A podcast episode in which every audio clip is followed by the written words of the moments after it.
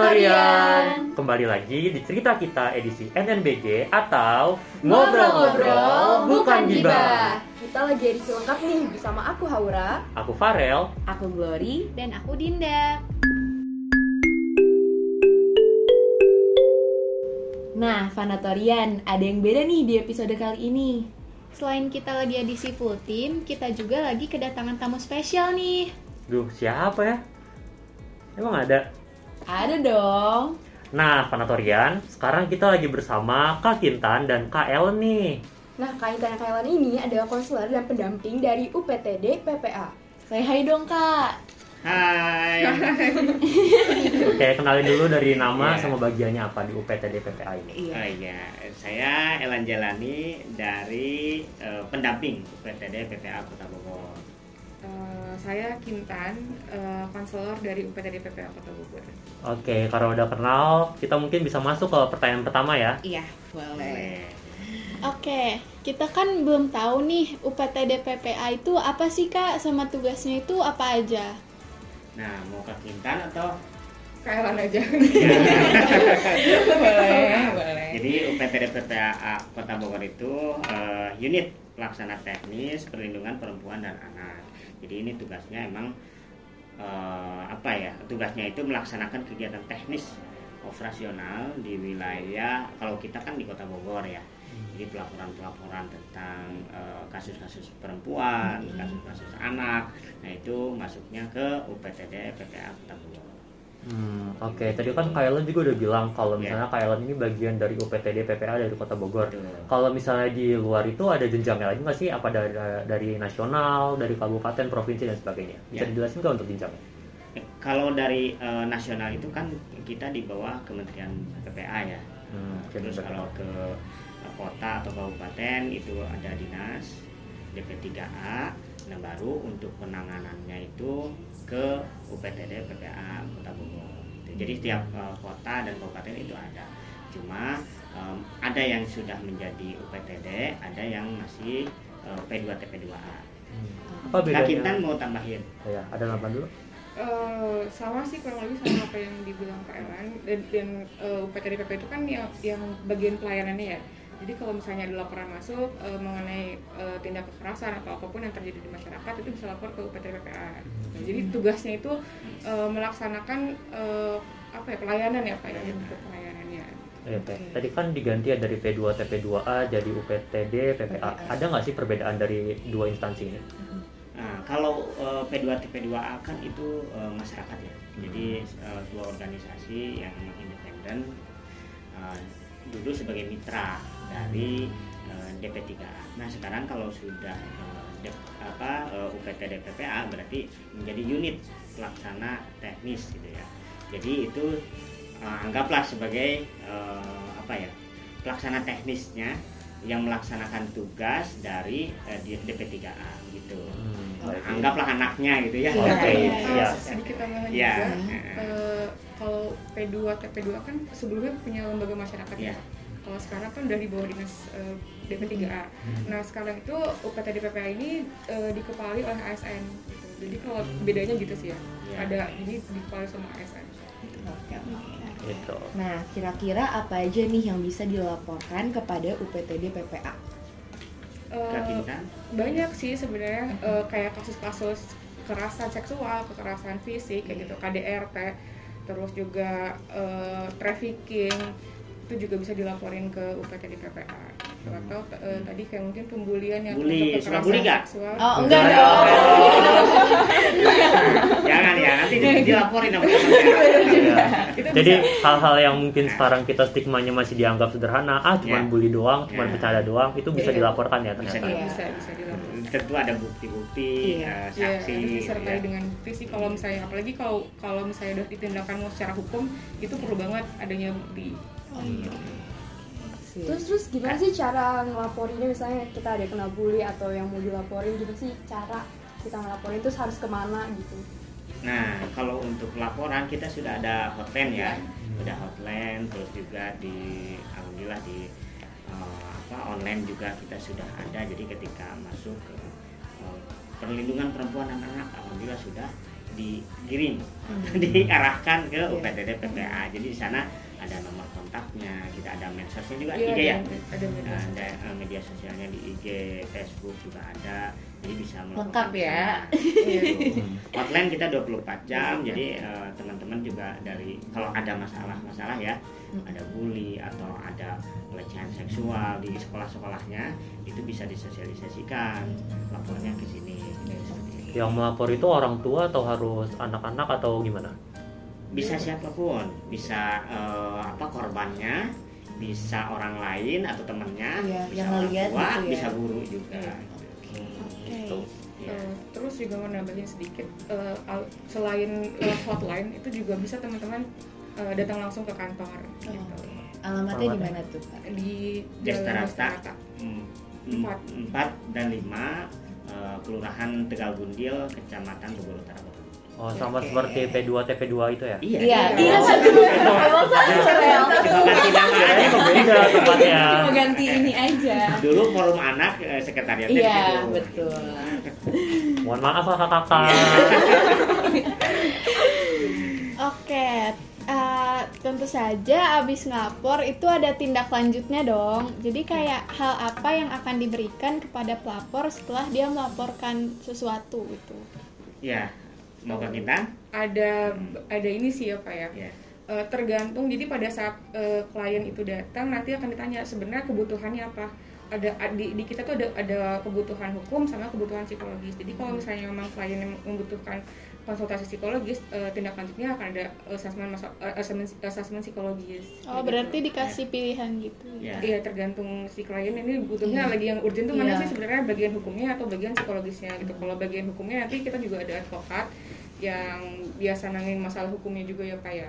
Ya, j- jadi pas datang itu nanti ada yang asesmen kebutuhannya apa, kasusnya seperti apa gitu. Nah, kita baru sama pendamping ini diarahkan nih kebutuhannya. Kalau misalkan kebutuhannya sosial apa eh, psikolog, nah berarti kita arahkan ke psikolog, dijadwalkan ketika eh, psikolognya kosong kapan gitu. Nah, itu konsultasi psikolog. Atau ini lebih ke hukum gitu. Kayak bullying, kayak apa pelecehan seksual dan sebagainya. Nah, baru kita arahkan ke advokat karena kita ada advokat juga di sana. Nah, atau eh, ah ini benar-benar urgent nih. Ada luka-luka dan sebagainya gitu ya karena KDRT Nah. kalau di sekolahnya apa. Nah, itu kita langsung eh, dibawa ke dokter. Kita karena kita alhamdulillah sudah kerjasama juga dengan rumah sakit. Berarti kalau untuk kayak yang fisik gitu udah Ya. ada penanganan medisnya juga ya? Ya, tapi bukan di UPTD PPA-nya, kita Iya, dengan mitra kita kerjasama. rumah sakit. Oke. Oke. Tadi kan dibagi dua ya, uh, Iya. psikologi sama hukum. Yang menentukan kedua arah ini itu si pelapor atau dari UPTD-nya? Eh, pertama dari kebutuhan eh, yang pelapornya yang keduanya kita dari pendampingnya yang mengarahkan oh ini butuhnya ini butuhnya ini. Itu jadi pendampingnya yang eh, tahu kebutuhan eh, tentu dengan hasil asesmen ya. Hasil asesmen dari eh, pelapor tersebut oh ini diarahkan psikolog oh ini diarahkan ke hukum. Bagaimana kalau suatu ketika uh, dia ini harusnya diarahkan ke bagian hukum, tapi dia terlalu takut, jadi dia menolak untuk ada perlindungan hukum. Apakah dari UPTD itu akan membujuk? uh, ayo kami bakal melindungi kalian. Ini proses hukumnya bakal didampingin kok. Atau diserahkan sepenuhnya kepada si pelapor. Eh, biasanya sih kalau misalnya ada kasus-kasus kayak gitu eh, di- dari misalnya kita udah menyadari nih bahwa ini tuh sebenarnya bisa loh eh, ada ada tindakan hukum nanti kita akan panggil advokat dulu untuk konseling sama si klien nanti dikasih tahu nih kalau hukum tuh begini-begini nanti setelah itu ya eh, sesuai ke- eh, keputusan akhirnya diserahkan lagi ke si kliennya ini maunya bagaimana gitu. Karena kan kita juga tidak bisa memaksakan klien untuk mengikuti kehendak kita ya gitu. Ya Eh, kalau KDRT itu kita diutamakan ke jalur hukum dulu ya Iya. kalau KDRT nah kalau misalkan ah ini nggak mau berarti kan itu diserahkan Iya. ke klien kita. Atau kalau sekarang bukan klien ya namanya itu penerima. manfaat layanan Jadi kalau dulu klien waktu P2 TP2A kita sekarang eh, sudah ganti nama penerima manfaat layanan PTD PPA Ada kayak semacam safe house atau tempat singgah sementara nggak untuk pelapor ini? ada.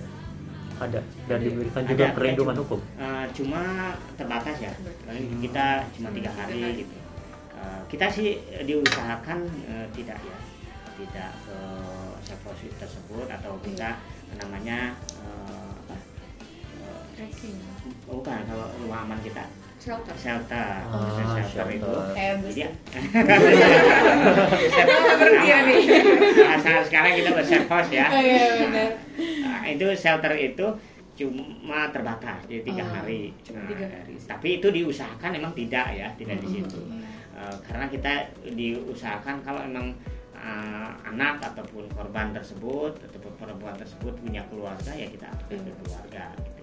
Iya. keluarga terdekat kan banyak ya keluarga ada kakak misalkan ada Iya. eh, siapa pun itu kita eh, cari dulu nih keluarga Nah, kalau emang nggak ada sama sekali nah baru di eh, shelter atau safe house tersebut. Iya, oke. Jadi dari sini Venatorian juga udah tahu kan kalau misalnya UPTD PPA itu adalah eh, lembaga yang bergerak dalam eh, pelaksanaan teknisnya atau Iya. perlindungannya. Jadi ketika kalian mengalami kekerasan ataupun eh, seperti pelecehan seksual, itu kalian bisa langsung melapor kepada UPTD PPA tadi di Jalan Destrata 4 Iya. sampai 5 ya atau bisa juga melalui hotline-nya dari Polinggaul ada nggak? Polling gaul ada ya kita Polling masuk gaul ada. Kalau polling gaul kan masuknya ke sini. Iya. Ke Kode dinas tiga. ya. Kode tiga. Dari Iya. dinas baru Baru ke sana. Iya.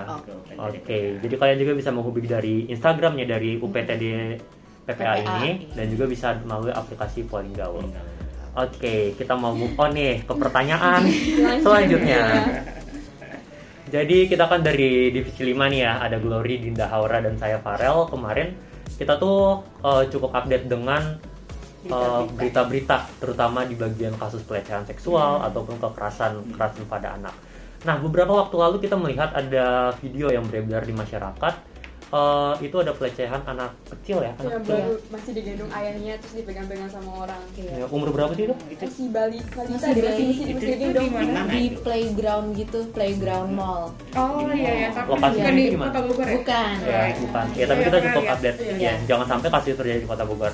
Nah, dari situ kita lihat dari rekaman CCTV ya. Iya. Dari Terus ada juga yang di warung itu loh. itu anaknya berapa tahunan kira-kira? masih bayi masih banget. digendong itu tuh Iya. kejadian itu masih digendong ayahnya jadi Digendong ayahnya, pas terus? lagi digendong ayahnya terus ada orang-orang nyolek-nyolek megang-megang Iya, anak megang-megang. terus Oh, orang kita nggak update ya? Saya lihat cuma belum bilang aja. Oh, Di mall kan Iya, banyak ya, korbannya ada di beberapa kan. Iya. Nggak cuma Oh. satu aja. Terus yang dicium itu juga ada kan? Iya. Nah, ya jadi anak kecil juga Iya. ya masih di bawah umur dicium terus polisi malah bilangnya itu tuh bukan pelecehan Iya. karena belum buka Belum baju Ya, jadi mungkin stigma dari masyarakat itu pelecehan itu harus buka baju dulu Iya. atau sebagainya. Nah, terus polisi juga bilang, nah si anak ini tidak teriak dan dia Iya. juga tidak menangis. Nah, gimana sih pendapat dari UPTD PPA ini? Indikasi apa yang menandakan kalau itu adalah pelecehan seksual dan eh, apa sih saran yang diberikan UPTD PPA ini untuk menyelesaikan masalah itu? Nah, kalau itu mungkin eh, itu itu lebih ke ranah hukum ya di hukum. Hmm. Tentu kan kepolisian juga eh, lebih eh, mengetahui tentang hukum tersebut. Jadi kalau misalkan eh, masalah hukum nanti kita serahkan ke kepolisian. Tapi kalau untuk misalkan eh, pelecehan tersebut kita sekarang itu udah banyak ya. Nah, jadi udah banyak eh, revisi undang-undang eh, kekerasan termasuk misalkan yang berbasis online. Nah, ketika kita misalkan nah, teman-teman nih ada yang ngirim eh, video porno misalkan ya Iya. ke temennya. Nah, itu temennya itu eh, apa ya nggak terima gitu, nggak Iya. terima eh, wah itu nggak nggak boleh itu bisa melaporkan. Oh, Gitu. bisa ya. Ya, ataupun eh, pelecehan secara jarak, jauh gitu Iya. misalkan tiba-tiba ada yang eh, dikenal atau nggak dikenal gitu Dan video, video call Iya. video call gitu Eh, tiba-tiba eh, apa lawan kita video call itu buka baju dan sebagainya Iya. itu memperlihatkan Ah. apa kelamin sebagainya itu sudah eh, ini ya Iya. sudah bisa melaporkan itu yang menerima video call juga bisa melaporkan kalau itu eh, tidak terima nah termasuk ini sebenarnya eh, kalau sekarang pelecehan seksual itu kan tidak usah buka baju juga ya baju. Iya. Kayak catcalling itu kan Ya, udah termasuk. Nah, ta- ya, tapi kita eh, belum tahu nih kasusnya secara detail seperti apa gitu. Kalau misalkan di Kota Bogor ya kita bisa nangani langsung Iya, kan. Iya. Iya. Nah, kita gitu. tidak bisa melihat langsung nih eh, kesimpulan apa dari eh, apa pelecehan terhadap anak kecil ini. Apakah itu eh, apa karena mungkin ya eh, sayang saking sayangnya Gemes terhadap juga. anak gemes akhirnya dia cium-cium gitu kan kita tidak tidak eh, tahu secara detail untuk proses hukumnya Oke. Oh. Pertanyaan untuk oh ya mau tambahin dulu? kalau secara psikologis tadi kan tadi eh, pertanyaannya kalau kan dia tuh diem aja gitu nah itu kan sebenarnya sa- salah satu respon psikologis orang ya kalau misalnya dihadapin dengan sesuatu ancaman atau sesuatu hal yang emang gak ngenakin gitu ya Iya. Eh, salah satunya itu nge-freeze gitu mungkin eh, juga kayak tak sebenarnya emang emang nge-freeze aja nih gitu atau dia juga takut karena nanti kalau misalnya ngeberontak atau kita ngelawan terus teriak nanti ada ancaman kayak Iya. dibunuh loh nanti aku nanti aku bunuh loh kalau misalnya kamu teriak gitu Teriak. atau eh, dapat dipukul atau apa segala macam itu kan yang yang bikin orang-orang juga mungkin korban-korban ini juga nggak berani untuk Iya, takut bergerak gitu gitu ya ya. karena takut Oke, sebenarnya tadi aku pengen nanya, tapi kayaknya Kak Kinta ini udah baca deh. Aku pikiranku mau nanya apa, makanya udah langsung Udah dijelasin tadi. ya. Iya, pengen nanya ya. di psikologi. Oke, tapi kalau misalnya dari ada kasus lain seperti ada pelecehan seksual atau kekerasan kepada anak khususnya Hmm. dan mungkin perempuan, kalau dari sisi psikologi sendiri apa sih yang diberikan? Apakah ada eh, diajak main atau mungkin ada sedikit trauma healing untuk dia? Eh, kalau dari sisi psikologis sebenarnya kan untuk korban-korban kekerasan ini pasti akan ada trauma gitu. Walaupun Ya, nggak yang satu dua hari itu langsung muncul trauma gitu. Mungkin nanti pada saat eh, dia dewasa terus ketemu sama laki-laki kok rasanya takut banget nih gitu kan nggak mau ketemu sama nggak mau berhubungan sama laki-laki karena mungkin punya pengalaman eh, dulu dapet kekerasan seksual gitu kan. Nah itu tuh biasanya eh, mereka eh, kalau untuk anak-anak itu eh, karena anak-anak masih belum mengerti ya masih belum mengerti soal ini tuh sebenarnya apa sih yang terjadi sama sama kita gitu kita nggak nggak usah nggak usah kasih pemahaman ke mereka bahwa kamu mendapatkan kekerasan seksual gitu yang yang paling yang yang bisa kita lakukan adalah mengenali dulu nih ke anak-anak kira-kira eh, bagian-bagian tubuh mana sih yang boleh disentuh dan tidak boleh disentuh gitu. itu kan yang satu hal yang penting ya Iya, Ya. karena anak-anak kan namanya juga anak-anak dipegang-pegang Iya. ya udah gitu ya Iya. nggak bakal ngerti gitu kan nah itu sih yang paling penting untuk eh, terus juga adanya eh, dukungan dari keluarga juga support gitu.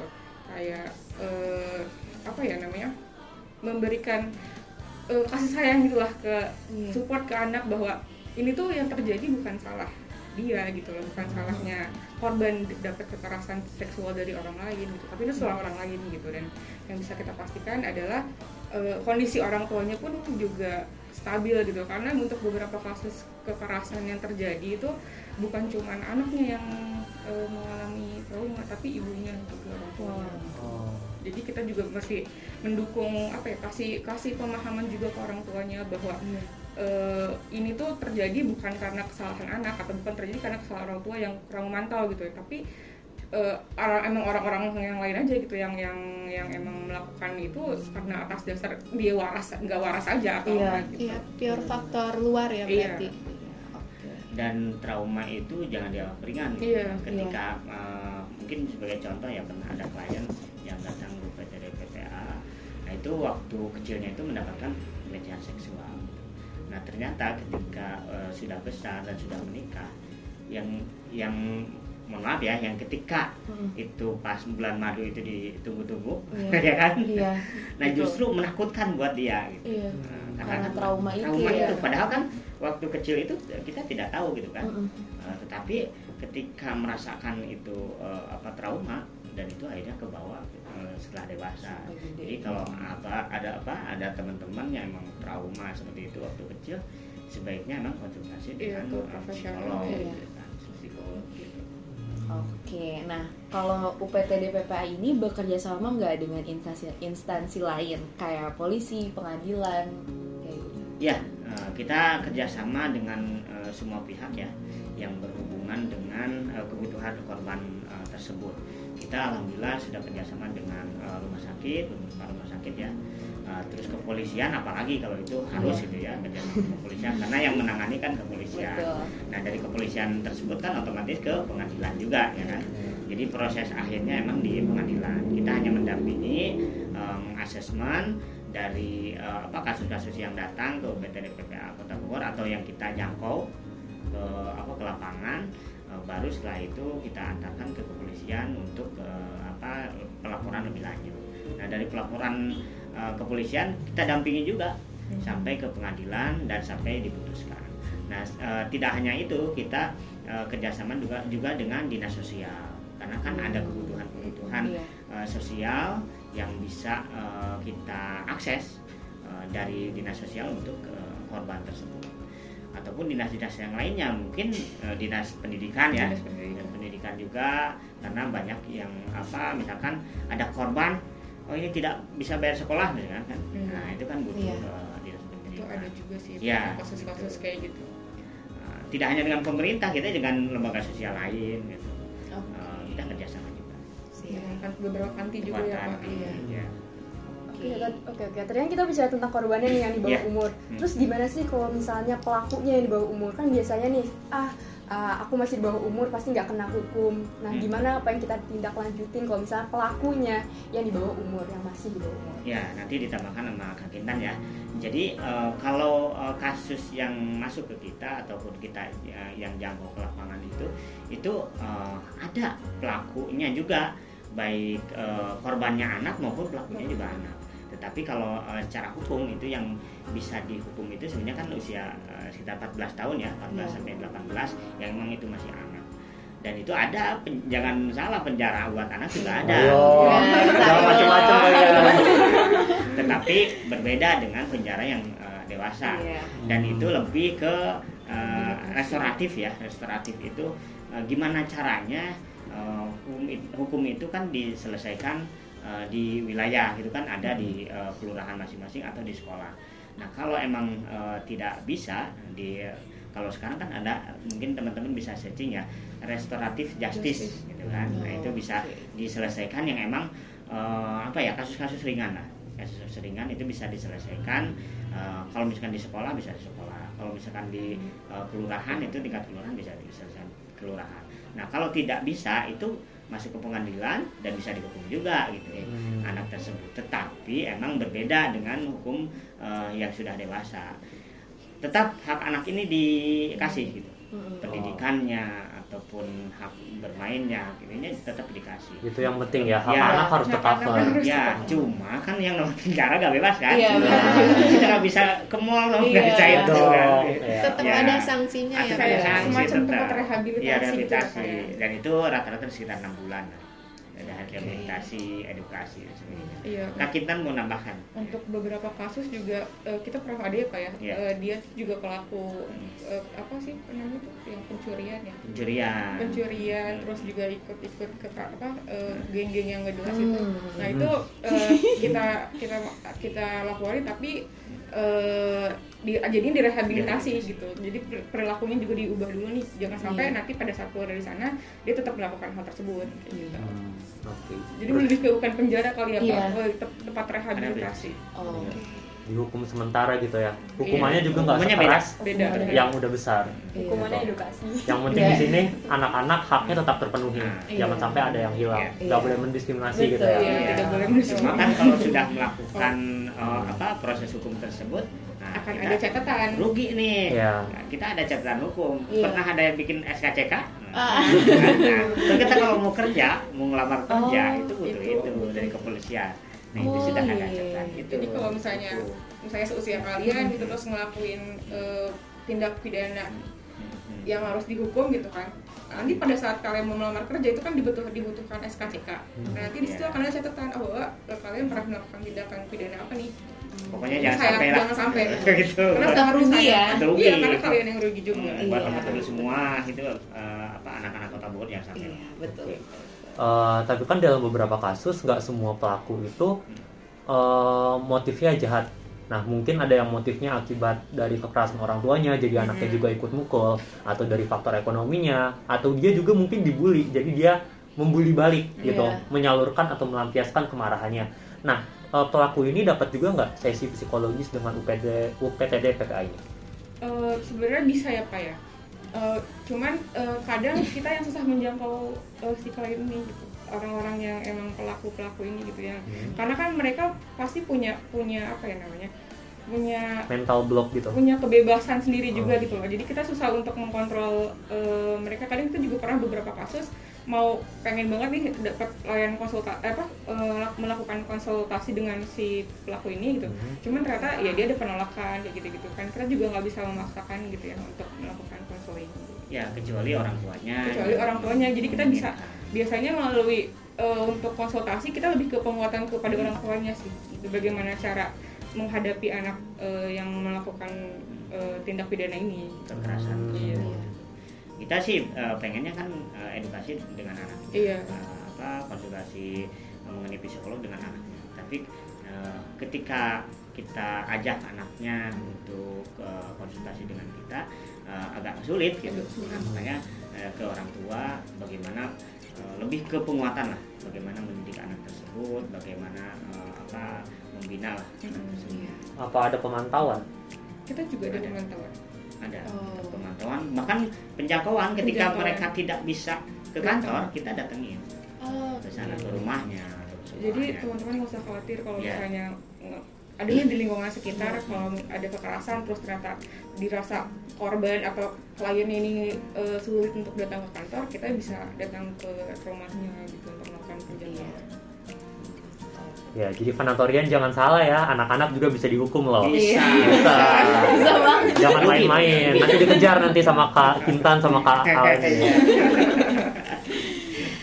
Oke, terkait lapor melapor nih, ada satu alasan yang bikin Kita pada nggak mau ngelapor mau gitu ya. ngelapor gitu. Itu tuh kalau misalnya kita mau ngelapor gitu ya, berbayar gak sih? wah wah Ini kayaknya pertanyaan sejuta umat juga ya. Iya benar untuk pasti pertanyaannya kayak gitu ya? Iya, Ya. iya. benar Eh, sebenarnya karena ini instansi pemerintah jadi semuanya gratis Wow. Tenang aja, konsultasi dengan konsultasi kita gratis. gratis Ya, baik itu uh, psikolog Maupun hukum hukum. maupun pendampingan Eh, hukumnya juga kita gratis. Full pokoknya gratis. Perlindungan nggak dari perlu ragu polisi. lagi juga ya. sudah dibiayai oleh pemerintah. Dan kayak itu perlindungan polisi juga. terus shelternya juga itu Iya. dibiayain Iya. pemerintah. Iya, pemerintah. Oke jadi kalau misalnya kalian diminta biaya itu termasuk pungli ya? Iya, parah banget.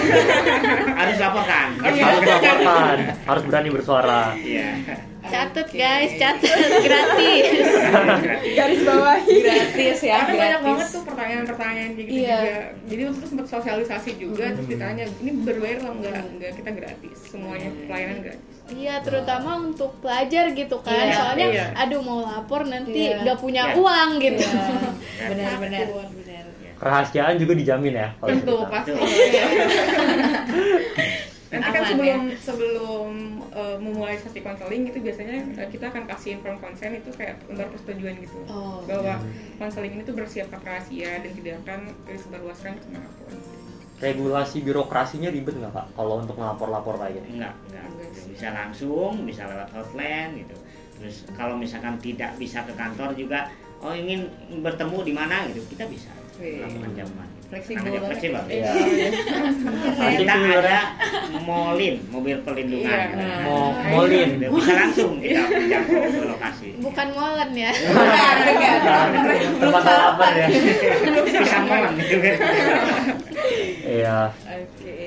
Terus kalau dari UPTD PPA sendiri, eh, kita kan sebagai anak juga mungkin ada rasa takut untuk melapor atau rasa takut kayak ah kita masih kecil, apakah kita akan dianggap? Ada nggak sih pesan-pesan dari Kak Ellen atau Kak Kintan itu untuk anak-anak di Kota Bogor khususnya, gimana caranya mereka untuk ter encourage untuk melapor?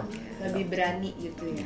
yang pasti untuk pahami dulu sih bahwa kejadian tersebut itu bukan salah kita gitu. itu sih yang paling penting karena kan mungkin kebanyakan orang-orang ko- korban-korban kekerasan seksual khususnya ya mereka nggak mau melapor karena mereka takut stigma dari lingkungan sekitar itu udah pasti Iya. kan Hmm. mungkin ada berpikir iya sih makanya kayak bajunya tuh yang Ya, tertutup bener, Kayak- bener-bener banget. Itu pakai bener bajunya tuh yang tertutup jadi orang nggak bakal eh, macam-macam Iya. gitu itu kan stigma stigma kayak gitu yang bikin si korban ini jadi takut melapor jadi yang yang yang penting itu pahami dulu bahwa eh, kejadian itu bukan salah si korban, Si korban. gitu jadi eh, usahakan untuk tetap melapor gitu karena eh, khawatir terjadi apa ya namanya perilaku yang terulang, terulang gitu korban-korban lainnya gitu maksudnya Iya. jadi eh, takutnya ada korban-korban lain ya mendingan dilapor aja gitu nggak usah takut karena kita juga ter- negara sekarang sudah memfasilitasi adanya UPTD PPA gitu kan untuk pelaporan eh, mengenai kekerasan seksual atau kekerasan-kekerasan yang lain gitu.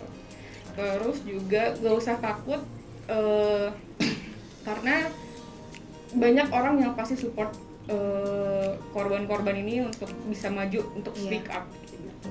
Gitu sih ada tambahan. Iya, eh, jangankan seusia teman-teman ya, eh, di orang tua saja misalkan ada KDRT Hmm. itu mereka masih banyak yang eh, tabu, eh, takut untuk melaporkan. Eh, ah ini masalah eh, keluarga kan seperti itu.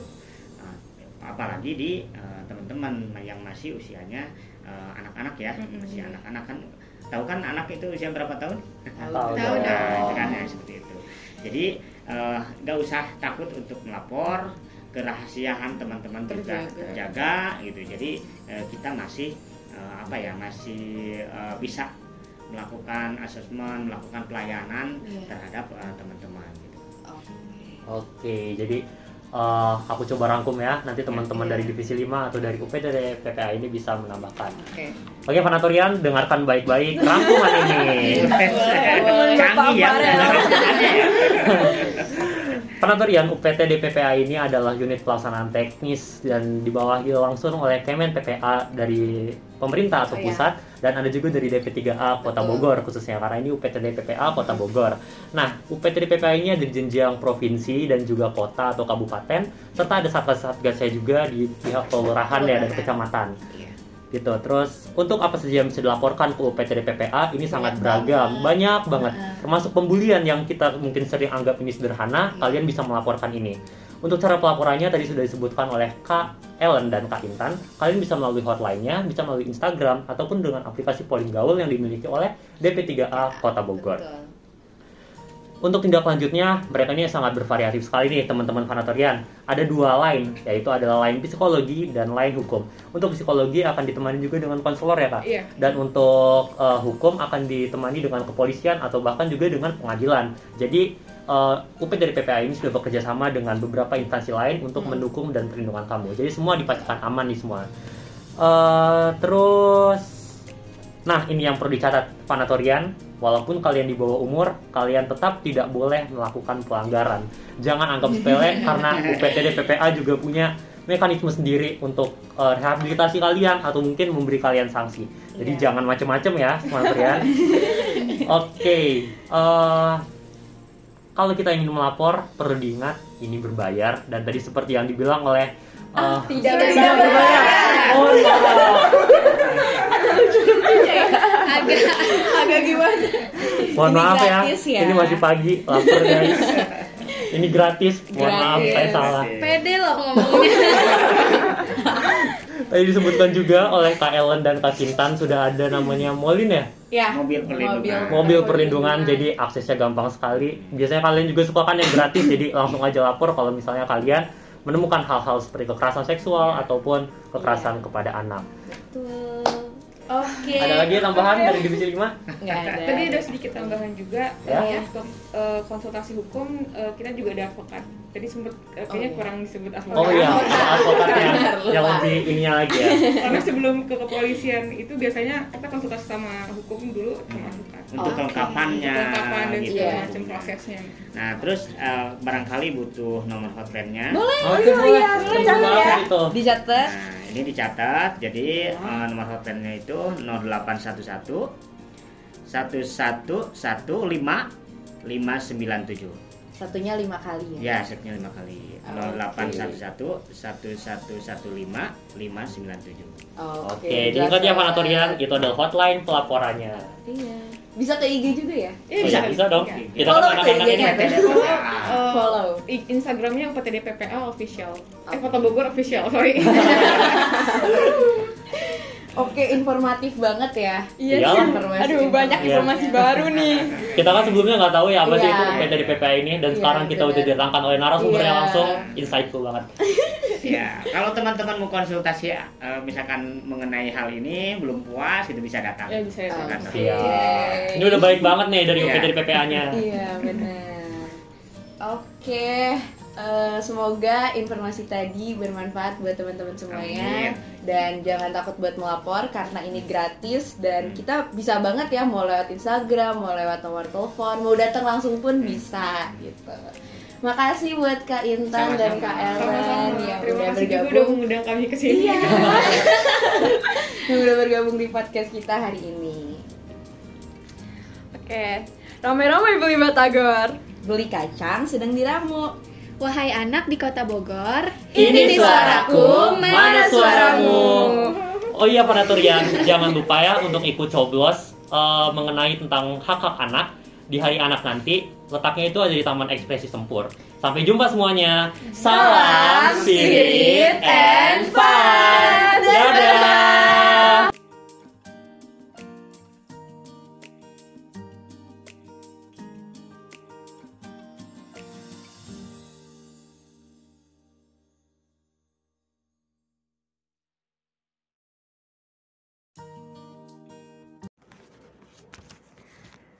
Halo Vanatorian, selamat siang. Perkenalkan nama saya Fatma Duyasana dari Klaster 3 Forum Anak Kota Bogor. Vanatorian, pada kesempatan kali ini kita dihadirkan oleh narasumber yang sangat kece sekali, yaitu dari Dinas Kesehatan. Halo Bunda. Halo juga. Bunda, ada istilah katanya tak kenal maka tak sayang nih Betul Bunda. sekali. Mbak, mu- mungkin Bunda boleh memperkenalkan diri bun dulu Bunda. Boleh. Baik Bunda. Nama Bunda Woro Rahtiah Amadewi. Wah, keren banget. Bunda. Dipanggilnya siapa Bun? Woro aja. Oh, Bunda Woro ya, Ya, Bunda ya. Ya. Kalau di Dinas Kesehatan, Bunda bidang apa, Bunda? Bunda fungsional nutrisionis Madia. Wah, keren banget nih teman-teman semuanya. Jadi, pada kesempatan kali ini benar-benar podcastnya beda dari yang biasanya karena kita dihadiri oleh Dinas Kesehatan secara langsung. Nah, Bunda, banyak istilah tentang stunting ya, Bunda ya, dan masih Betul. banyak pemahaman masyarakat yang mungkin masih jadi isu gitu di Kota Bogor. Menurut Bunda, seberapa penting pemahaman stunting di Kota Bogor dan apa arti stunting pada anak? Eh, pemahaman stunting itu banyak orang yang belum paham stunting itu apa, ya kan? Iya, Bunda. betul. Stunting itu adalah proses gagal tumbuh, Eh, baik tumbuh fisik maupun tumbuh eh, motoriknya. Jadi eh, istilah orang awam bilangnya pendek, tapi bukan berarti setiap orang pendek itu stunting, Oh iya, benar, Bunda. ya kan? Ada orang pendek tapi genetika, cuman dia tidak stunting karena dia pertumbuhan kan kita fisik itu ada tumbuh dan kembang. Nah pertumbuhan fisiknya bagus, perkembangan motoriknya bagus, psikologisnya bagus. Itu berarti dia bukan stunting. Stunting itu eh, mengalami keterlambatan baik tumbuh fisik maupun perkembangan eh, maupun perkembangannya tadi. Perkembangan itu seperti misalnya dari tidak bisa jadi bisa. Misalnya tadinya bisa belum bisa megang pensil terus jadi bisa itu namanya perkembangan nah itu kalau yang stunting mengalami gangguan yang seperti itu juga Oh begitu ya bunda ya. Jadi kadang orang berpikir bahwa yang pendek itu stunting, padahal Betul. belum tentu ya bun ya. betul Oke, terima kasih bunda. Mungkin pertanyaan dari teman-teman fanator yang lainnya, bagaimana kondisi resiko anak stunting yang terjadi di Jawa Barat bunda? Ah. anak resiko stunting stunting itu resikonya banyak ya Eh, misalnya dia kan pendek nantinya dia kalau dia mau mencari pekerjaan dia pasti kalah sama yang lain. Iya, ada benar. beberapa eh, spesifikasi pekerjaan yang membutuhkan minimal tinggi badan berapa gitu kan? Iya bunda. berarti dia udah kalah sama yang lainnya ya kan? Walaupun misalnya dia di terapi kalau udah stunting pun terapi nih dia membaik gitu. Tapi kan pas proses dia jadi stunting itu ada beberapa perkembangan otak yang eh, terganggu yang tidak tumbuh secara maksimal. Itu ya dia eh, kesempatan untuk memperi- mencari pekerjaannya dia sudah agak berkurang dibandingkan yang lain. Terus secara kesehatan dia kan ada beberapa faktor ya selain fisik yang tadi kan otaknya mengalami benar. beberapa hal yang tidak mampu tumbuh. Jadi eh, istilah kasarnya eh, daya pikirnya agak-agak berkurang daripada dia yang tumbuh secara sempurna itu jadi kan resikonya sangat ke sana ya walaupun stunting itu bukan sesuatu yang mematikan tetapi sangat merugikan baik Oh. keluarga lingkungan maupun negara ini ya kan seperti itu Bener banget Bunda. Jadi dampaknya tuh bukan buat ke diri dia sendiri aja gitu, tapi ke masa Betul. depan dia yang Ya. berpengaruh terhadap negara ya Bunda ya. betul sekali Mungkin pertanyaan yang ketiga, bagaimana pencegahan dari dampak terhadap stunting pada anak Bunda? Nah, mencegah itu lebih eh, memungkinkan daripada menyembuhkan ya. Oh iya. Kalau sudah stunting, kita terapinya nggak lama. Wah. Jadi tidak bisa sehari, dua hari, sebulan, dua bulan. Eh, membutuhkan waktu yang lama. Eh, dengan terapi nutrisi, terapi exercises gitu kan. Eh, kalau mencegah itu eh, lebih eh, apa? Lebih mudah terkontrol. Upaya dari Dinas Kesehatan sampai saat ini kita berbagai cara kita lakukan pencegahan. Mulai dari mencegah agar seorang ibu hamil tidak melahirkan bayi yang stunting. Oh iya Bunda. Ya. Mencegah seorang ibu hamil yang stunting itu dengan apa? Tadi dengan pembelajaran ke ibu hamilnya. Terus dengan intervensi ke ibu hamilnya. Nah, terus mundur lagi. Sebelum ibu hamil itu sebenarnya seorang perempuan untuk menjadi ibu hamil yang berkualitas yang nantinya akan melahirkan bayi yang berkualitas juga dengan kata lain tidak stunting itu butuh tabungan. Tabungannya itu mundur. Dari sebelum ibu hamil dia kan calon pengantin. Iya. nah calon pengantin ini juga harus diintervensi. Dikasih pembelajaran dikasih pengetahuan bagaimana langkah-langkah nanti kalau dia jadi seorang ibu hamil harus bagaimana nah mundur lagi sebelum calon pengantin lebih bagusnya lagi nabung itu tadi ada tabungan baik ilmu pengetahuan ataupun intervensi itu di masa remaja sebelum dia jadi calon pengantin dan sebelum dia hamil. Oh iya. Nah, salah satu faktor eh, penyebab eh, bayi lahir stunting itu adalah ibunya anemia. Oh iya benar. Nah, adik-adik tahu kan anemia itu apa? Iya Bunda. Ya. Nah, anemia itu bisa menyebabkan seorang ibu hamil melahirkan anak yang stunting. Nah, biar ibu hamil tidak anemia dan dia tercukupi kebutuhan zat besinya selama dia hamil sampai melahirkan, itu nabung zat besinya itu harus dari remaja. Karena eh, sudah ada beberapa penelitian baik di Indonesia maupun di luar negeri kalau apa tabungan ibu hamil di Indonesia itu masih sangat kurang sekali. Oh. Nah, itu bisa ditabungnya dari masa remaja dengan minum tablet tambah darah. Rutin setiap minggu sekali.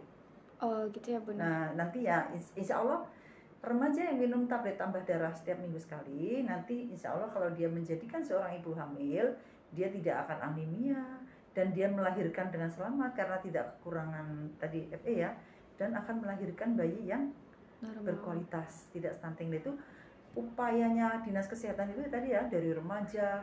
Makanya kita sekarang membentuk posyandu remaja sekarang ya kan Iya Bunda. lagi lagi galak-galaknya ya. Iya. Mudah-mudahan teman-teman yang mendengarkan ya bisa eh, mencari di wilayahnya ada posyandu remaja atau tidak.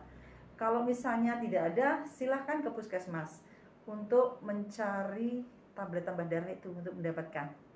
Jadi minumlah tablet tambah darah satu minggu satu kali. Jadi teman-teman eh, adik-adik yang mendengarkan yang di sini ya Iya bisa membantu pemerintah untuk mencegah stunting karena adik-adik nanti berapa tahun lagi kan akan menjadi seorang ibu hamil. Iya benar Nah, banget Bunda. Seperti itu ya. Iya Dan banyak lagi deh eh, upaya-upaya kita untuk mencegah stunting itu. Nanti bisa di akhir itu akan saya jelaskan lagi. Siap Bunda. Mungkin pertanyaan selanjutnya nih Bunda, mengapa seribu hari pertama kehidupan atau seribu HPK disebut sebagai periode emas dalam upaya pencegahan stunting? Ya. 1000 HPK itu dihitungnya mulai dari janin itu ada di rahim ibu sampai anak umur 2 tahun. Karena periode ini yang akan menentukan bagaimana kualitas itu anak nantinya. Jadi dijaga dari itu sampai jadilah jadi janin itu jadi ya sampai umur 2 tahun dijaga jangan sampai stunting, jangan sampai gizi buruk gitu kan. Karena apa yang terjadi di dua tahun ini akan menentukan kesehatan dia nantinya. Misalnya anak yang gizi buruk, anak yang stunting di usia-usia period emas ini, walaupun diterapi nanti membaik, itu ada sesuatu yang gagal di dalam uh, sistem tubuhnya itu. Nah, biasanya nanti dia setelah umur 40 tahun ke atas, dia akan muncul penyakit-penyakit PTM. PTM itu penyakit tidak menular, seperti hipertensi, diabetes. Jadi dia cenderung mudah untuk sakit seperti itu. Nah, itu satu ya. Satunya lagi, di dalam kehidupan manusia itu terjadi percepatan pertumbuhan atau tumbuh secara cepat itu hanya dua kali seumur hidup. Yang sekali itu masa bayi itu ada di dalam masa periode emas itu. Jadi di masa itu si anak bisa tumbuh secara cepat. Kalau di masa itu anaknya makannya nggak betul, jadi dia harusnya tumbuh kan butuh nutrisi yang banyak nih. Iya. Ternyata tidak dipenuhi, ya ada dia dia akan gagal tumbuh. Ya kan? Terus kalau dia sakit, walaupun dia makanannya betul, porsinya sesuai standar, tapi dia sakit terkena penyakit, dia akan in apa eh, masukkan makanan tadi hanya untuk melawan penyakitnya. Dia akan terjadi gagal tumbuh juga.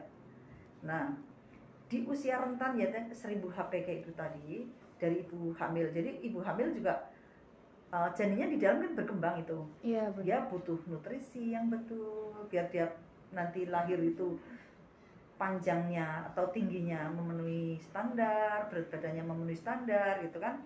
Nah, itu pengelolaannya itu benar-benar kita perhatikan masa 1000 HPK ini karena ini penentu. Oh, gitu ya, Bunda. Mm-mm. Oke, terima kasih Bunda. Ya, Mungkin pertanyaan selanjutnya nih Bun, Ya. bagaimana peran anak dalam penurunan angka stunting, terkhusus di Kota Bogor nih Bunda? Peran anak sebenarnya eh, peran anak dalam menurunkan stunting. Iya benar Ya. Bunda. Anak itu yang paling kita harapkan perannya adalah peran teman-teman yang di usia remaja tadi. Kita berharap kalau para remajanya sehat, ya kan, eh, sehat jasmani, sehat rohani, ya kan, itu akan mempersiapkan nanti bagaimana jadi seorang calon ibu yang berkualitas. Insya Allah nanti zamannya kalian punya anak itu sudah tidak ada yang lahir stunting. Jadi Amin. kalian itu perannya sangat tinggi sekali Oh iya. untuk mencegah stunting. Nah, pertama yang harus kamu lakukan untuk remaja putrinya tadi ya Tapi minum ah, minum tablet tambah darah satu minggu satu kali. Kalau yang sekolah bisa diakses sekolahannya. Tapi saat ini kan lagi pandemi ya, Iya sekolahnya belum full, boleh cari puskesmas di mana adik-adik tinggal. Hubungi puskesmas atau hubungi bukadernya. Insya Allah dapatkan TT Dermatri itu secara gratis. Oh iya. Ya, nanti biar dilaporkan sama kader ke puskesmas bahwa adik-adik sudah minum tablet tambah darah. Jangan sampai anemia karena nanti akan mengganggu. Selain nanti jadi ibu hamil tidak berkualitas kan sekolahnya juga akan terganggu kan? Iya kalau anemia tuh mudah ngantuk malas belajar udah semuanya malas malas malas malas gitu kan? Jadinya apa? Prestasinya nanti jadi menurun ya kan? Nah peran peran teman-teman aktiflah di eh, apa wilayahnya cari teman-temannya yang remaja yang usia remaja ajak mereka untuk eh, minum tablet tambah darah atau mendapatkan tentang bagaimana kesehatan reproduksi itu yang bagus dipersiapkan dari masa remaja. Teman-teman kumpul nih teman-teman di wilayahnya, nanti konsultasikan ke puskesmas bagaimana. Kalau ya sudah ada wadahnya posyandu remaja sih, eh, alhamdulillah ya, tinggal memanfaatkan janjian kapan ketemu ya, sebulan sekali lah minimal nanti sharing. Iya. Udah itu ya, oh, mau ngundang teman-teman puskesmas boleh silakan. Yang belum ada buat yang mendengarkan di wilayah, kalau belum ada silahkan teman-teman kalau misalnya oh pengen nih daripada ngumpul-ngumpul nggak ada gunanya ya. Iya kita mau ngumpul nih mau bikin posyandu remaja gitu. Boleh hubungi puskesmas. Nanti insya Allah akan difasilitasi. Ya Oke Hmm. Bunda, jadi buat teman-teman semua nih yang mungkin ingin membuat kader ya Bunda ya, Nah, posyandu remaja, boleh Ah. banget ya Bunda nanti dibantu Ya. puskesmas terdekat Ah. di wilayahnya. atau mau jadi duta kesehatan ya Wah, di wilayah iya masing-masing benar ya kan? Bunda. jadi nanti bisa membantu walaupun remaja nanti bisa membantu ibu-ibu ibu-ibu hamil yang ada di sekitarnya nanti Iya, remaja benar. itu bisa mendata di wilayah masing-masing berapa sih ibu-ibu hamil di wilayahku nah nanti teman-teman bisa mengingatkan mengingatkan ibu-ibu itu ibu-ibu kan kalau hamil kan minum tablet tambah juga ya. Iya bunda. tapi kalau mereka kan setiap hari nggak kayak remaja kalau remaja kan satu minggu sekali. Nah teman-teman bisa berupaya misalnya nih mengingatkan para ibu itu untuk minum tablet tambah darah gitu.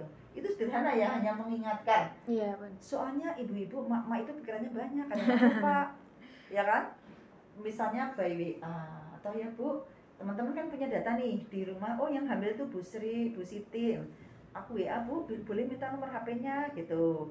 Nah nanti ibu di WA bu sudah minum obat tablet tambah darah kalau malam. Itu bisa dilakukan teman-teman ya.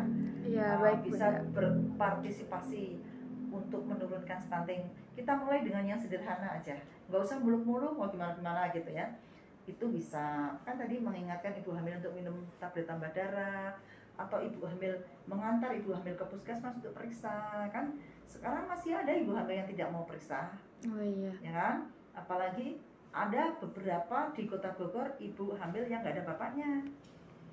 Nah itu yang mengerikan Iya. sudah itu disembunyikan dia tidak berakses sama kesehatan ya kan nanti dia malas makan mas ini ibunya ya kalau itu ya kalau teman-teman itu gandenglah mereka jangan kucilkan selamatkan bayinya karena bayinya tidak salah kan ya Iya bunda. Uh, uh, bayinya tidak salah carikan akses kesehatan buat dia ya biar tetap uh, kesehatannya terlayani Oke siap bunda. Mungkin yang bertanya juga nih bunda, apakah stunting itu bisa dicegah ataupun diobati gitu bunda?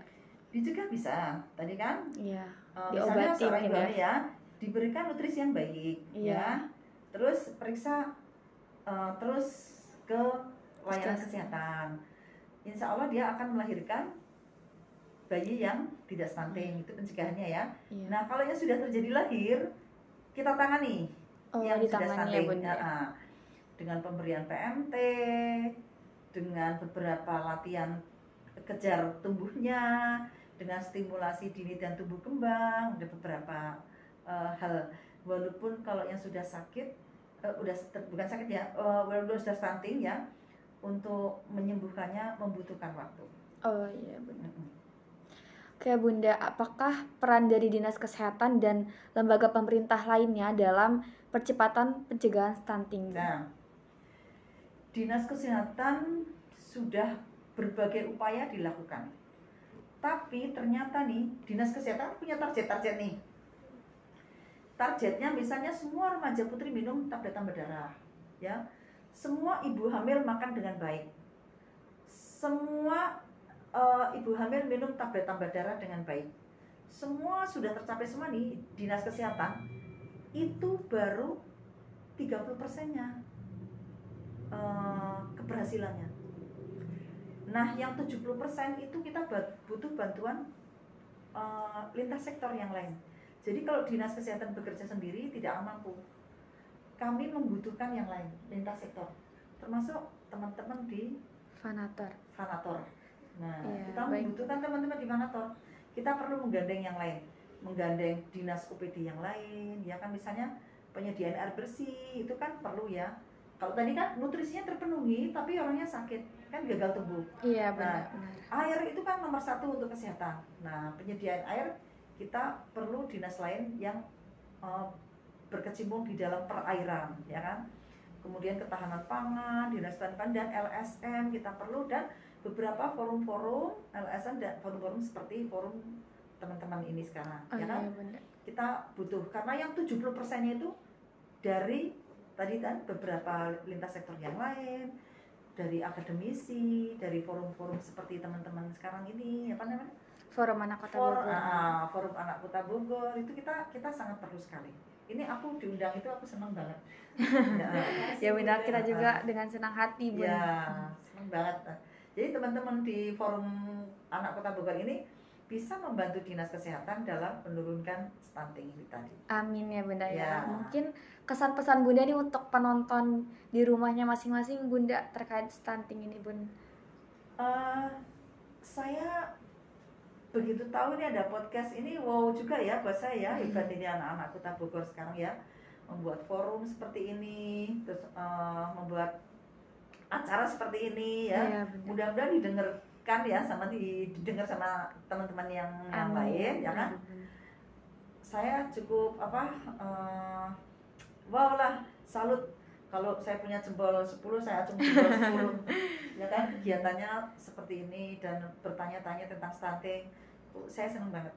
Nah bantulah kami dinas kesehatan lewat forum ini sebarkanlah beberapa eh, info-info kesehatan yang bisa dilakukan oleh forum ini ya. Benar. nanti misalnya butuh apa eh, ada media selain itu yang bisa dilihat apa Ada Instagram, YouTube, Bun. Oh, Udah iya. 1000 followers juga nih nanti Instagram. boleh lah nanti saya kalau ada ya eh, lewat Instagram lewat Iya, itu apa-apa yang bisa dikerjakan remaja ya nanti saya share Boleh banget Ah, Bunda dengan boleh senang aku share ya hati. bisa Iya, bisa teman-temannya nanti kita sebenarnya ada aplikasi namanya aplikasi ceria jadi teman-teman yang sudah minum tablet tambah darah isilah aplikasi ceria itu Oh. nanti di situ ada pembelajarannya juga Nanti eh, kita akan sharing-sharing deh. ini kita rencananya mau bersosialisasi dulu untuk pemberian tablet tambah darah ini kita sosialisasi ke beberapa sekolah dan pesantren Oh iya Bunda. Ah. Pesantren juga jadi sekarang jadi target ya Bun ya? Ya, pesantren karena mereka banyak remaja putri kan. Selama ini kita di sekolah-sekolah. Adik-adik yang di sini sudah minum tablet tambah darah belum pertanyaannya? Sudah dong Bunda, insya Allah. Sudah. Dan- Dapat dari mana tablet tambah darah? Kalau saya pribadi dari wilayah Bun, jadi ada ibu-ibu PKK-nya ya Bunda Ya, suka ke dari rumah-rumah. kader ya. Iya Bunda. Nah, Aku juga sama dari Oh sama ya, karena pandemi kita kan sekolah libur ya, jadi Iya, kita minta tolong Bu Kader. Nah walaupun dari wilayah, sebenarnya nanti ada aplikasi ceria yang harus diisi. Jadi eh, apa? Kalian minum itu diketahui gitu, loh. Ada diketahui. Eh, nanti di dalam aplikasi ceria itu se Indonesia Raya. Jadi nanti untuk lihat berapa sih di Kota Bogor yang remaja putrinya minum.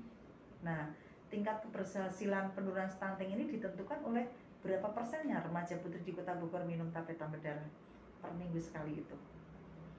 Oh iya Kemudian Bun. nutrisi ya, kalian remaja itu masih perlu nutrisi. Nah, saya sedih ada beberapa remaja yang pengen cantik dengan diet secara ketat dan dietnya nggak benar. Cantik itu jangan cantik kurus ya, cantiknya itu yang sehat. Karena yang kurus terlalu kurus, si anak itu terjadi beberapa kekurangan atau defisiensi. Di antaranya defisiensi zat gizi mikro. Nah, kekurangan zat gizi mikro ini akan berbahaya nanti dia kalau dia jadi ibu hamil tidak terpenuhi dia bisa melahirkan anak-anak yang cacat. Oh. Ya. Jadi diet boleh, tapi dietnya yang sehat. Anak-anak sekarang kan dietnya eh, kalau kurus langsing itu cantik ya. Sebenarnya cantik di luar, tapi di dalamnya dia terjadi beberapa kekurangan zat gizi, apalagi zat-zat gizi yang kecil. Terus makanlah buat remaja ini makanan lokal. Makanan yang sederhana yang kayak zaman dulu aja. Jangan terlalu sering makanan fast food ya. Karena makanan itu banyak eh, zat-zat yang tidak sempurna yang tidak saling mengisi. Harusnya kan bergizi seimbang makannya ya gizi seimbang itu semua terpenuhi. Ada sumber karbohidrat sumber tenaga ada sumber prote- protein ada vitamin. Karena vitamin ini membantu penyerapan zat-zat itu tadi ya. Eh, ada dia ada apa sumber karbohidrat itu sumber tenaga biasanya apa? Ada makanan sumber karbohidrat, ya, ya? karbohidrat ada nasi, Nasi, ya, dan jagung, teman-temannya, ya. Iya Bun. terus sumber protein lauk hewani lauk nabati kan ada sayurnya ada buah. Jadi setiap kali makan itu harus lengkap ada itu. Karena tidak ada makanan apa pun yang gizinya lengkap itu tidak ada. Di dunia ini tidak ada kecuali ASI loh. Kalau ASI air susu ibu itu lengkap semuanya udah ada. Kalau makanannya di luar kita belum ada jadi harus dilengkapi. Kayak nasi eh, karbohidratnya tinggi tapi proteinnya kecil nggak ada jadi dia harus ada protein makanya ditambahin lauk eh, tadi nasi udah berkarbohidrat, proteinnya ada, ikan ada ya, tapi belum ada sayur-sayuran. Nah, bagaimana ini diserap dengan baik? Tidak ada yang membantu. Yang membantu itu harusnya vitamin itu didapat dari sayur dan buah. Oh iya Uh, benar. seperti itu kemudian air. Air itu membantu untuk melancarkan sistem pencernaan juga. Ya. Seperti itu. Jadi para remaja tadi eh, kalau misalnya tidak bisa keluar minimal dirinya sendiri lah. Opani diri sendiri dengan makanan gizi seimbang, minum tabletan badar satu minggu satu kali. Siap Bunda.